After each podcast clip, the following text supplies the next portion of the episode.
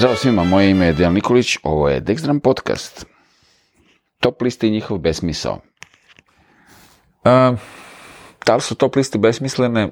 Od uvijek bile, to sam se zapitao, pošto kad je čovjek mlad misli kako je sve to uvijek tačno, relevantno, ljudi su koji su se našli na raznim listama, zaslužili tu da budu i tako.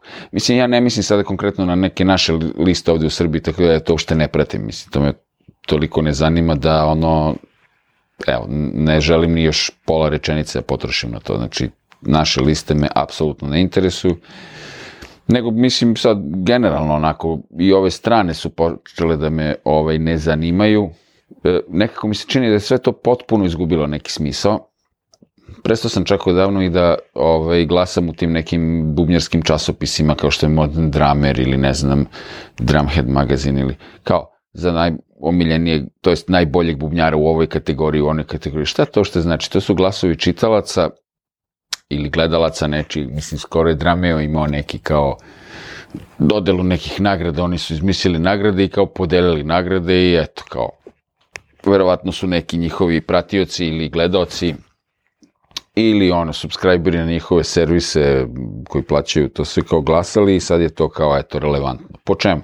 To je isto kao kad izađe u nekom ono Metal Hammeru ili ne znam rock magazinu ili gde god top lista kao ne znam 50 najznačajnijih albuma, 10 najznačajnijih ovog, ono, ko je odredio to? Mislim, to se ja pitam, da li je to više stvarno um, nekako realno ili, ili jednostavno ono, tako, neki urednik je imao svoje neko mišljenje a, što ne znači da to mora biti moje ili vaše ili čije god. A, pogotovo je problem ovako sa pojedinačnim muzičarima. Mi možemo da merimo sada koliko je neki bend realno doprineo muzici uopšte ili o određenom žanru ili ovaj, koja su njihova postignuća i tako dalje. To nekako je možda sad da li neki muzičar konkretno ovaj, bolji ili ne od nekog drugog, to šta to znači? Mislim, ko će to da odredi? Često mi klinci pitaju, učenici, tako kao, ko je najbolji bubnjar? Ko je po tebi najbolji bubnjar? Kao, šta da kažem, nije niko najbolji bubnjar, to je glupo pitanje. Onda to ljudi ne prihvataju, kao, jao, kako, kako, pa dobro reci nekog, kao, pa kog nekog? Pa, un, pa reko, ne može se to poredi. Pa ne reci nekog. Zašto? Zašto je još te potrebno da kao neko bude najbolji, neko da ne bude najbolji? Mislim, ceo taj fazon mi je potpuno nejasan, pošto najbolji u čemu? Pa kao ko je najbolji, ne znam, rock bubnjar.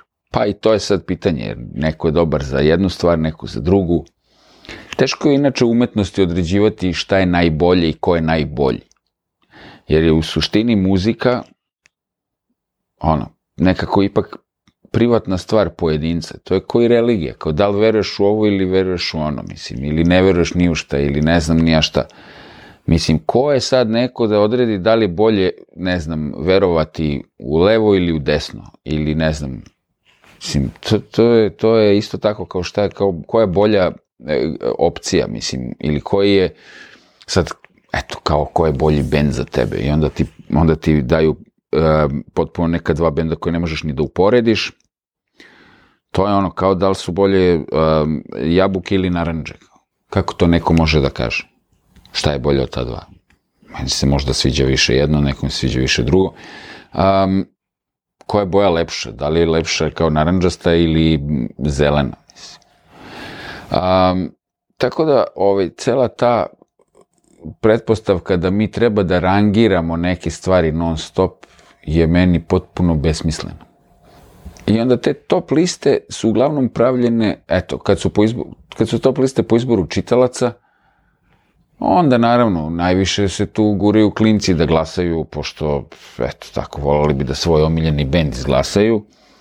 I ovi, to sećam se ja kad sam bio klinac pa je bilo na radiju 202, možda to ima i sada, pošto mi smo ostali ovde zakucani u nekom, nekoj preistoriji, pa možda i dalje se takmiče isti bendovi. Mislim da čak i ima, da, da, da sam relativno skoro čuo, ono, malte neko da sam se vratio u 86. 1986. godinu, to, toliko smo ono na istom stupnju razvoja, ovaj, kao stave u hitu nedelje 202 da se takmiče, ne znam, Iron Maiden i riblja čorba, mislim. Kako je sad to potpuno dve, nema veze jedno s drugim. I onda sad kao ko, ko se prvi javi, ko je pobedio sad, naravno, ono, fanovi jednog benda, drugog benda, ali kao, koja je to pobjeda nad čime, zbog čega, mislim, besmisleno. To tako te, te neka takmičenja i neka poređenja stvari koje nisu za poređenje su neverovatno smešna i besmislena i ono kao totalno gubljenje vremena.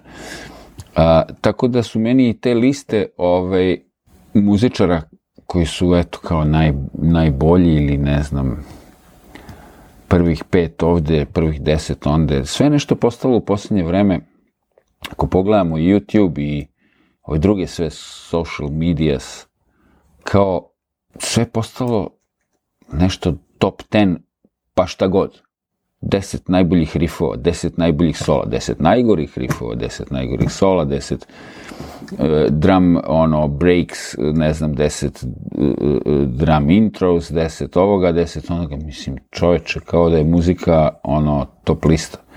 Tako da mi je to malo onako, ne bi danas mnogo da nešto tupim, ali ovaj, to sam primetio, pa mi nekako, mislim, ne mogu kažem zasmetalo, ali mislim da je potpuno a, besmisleno.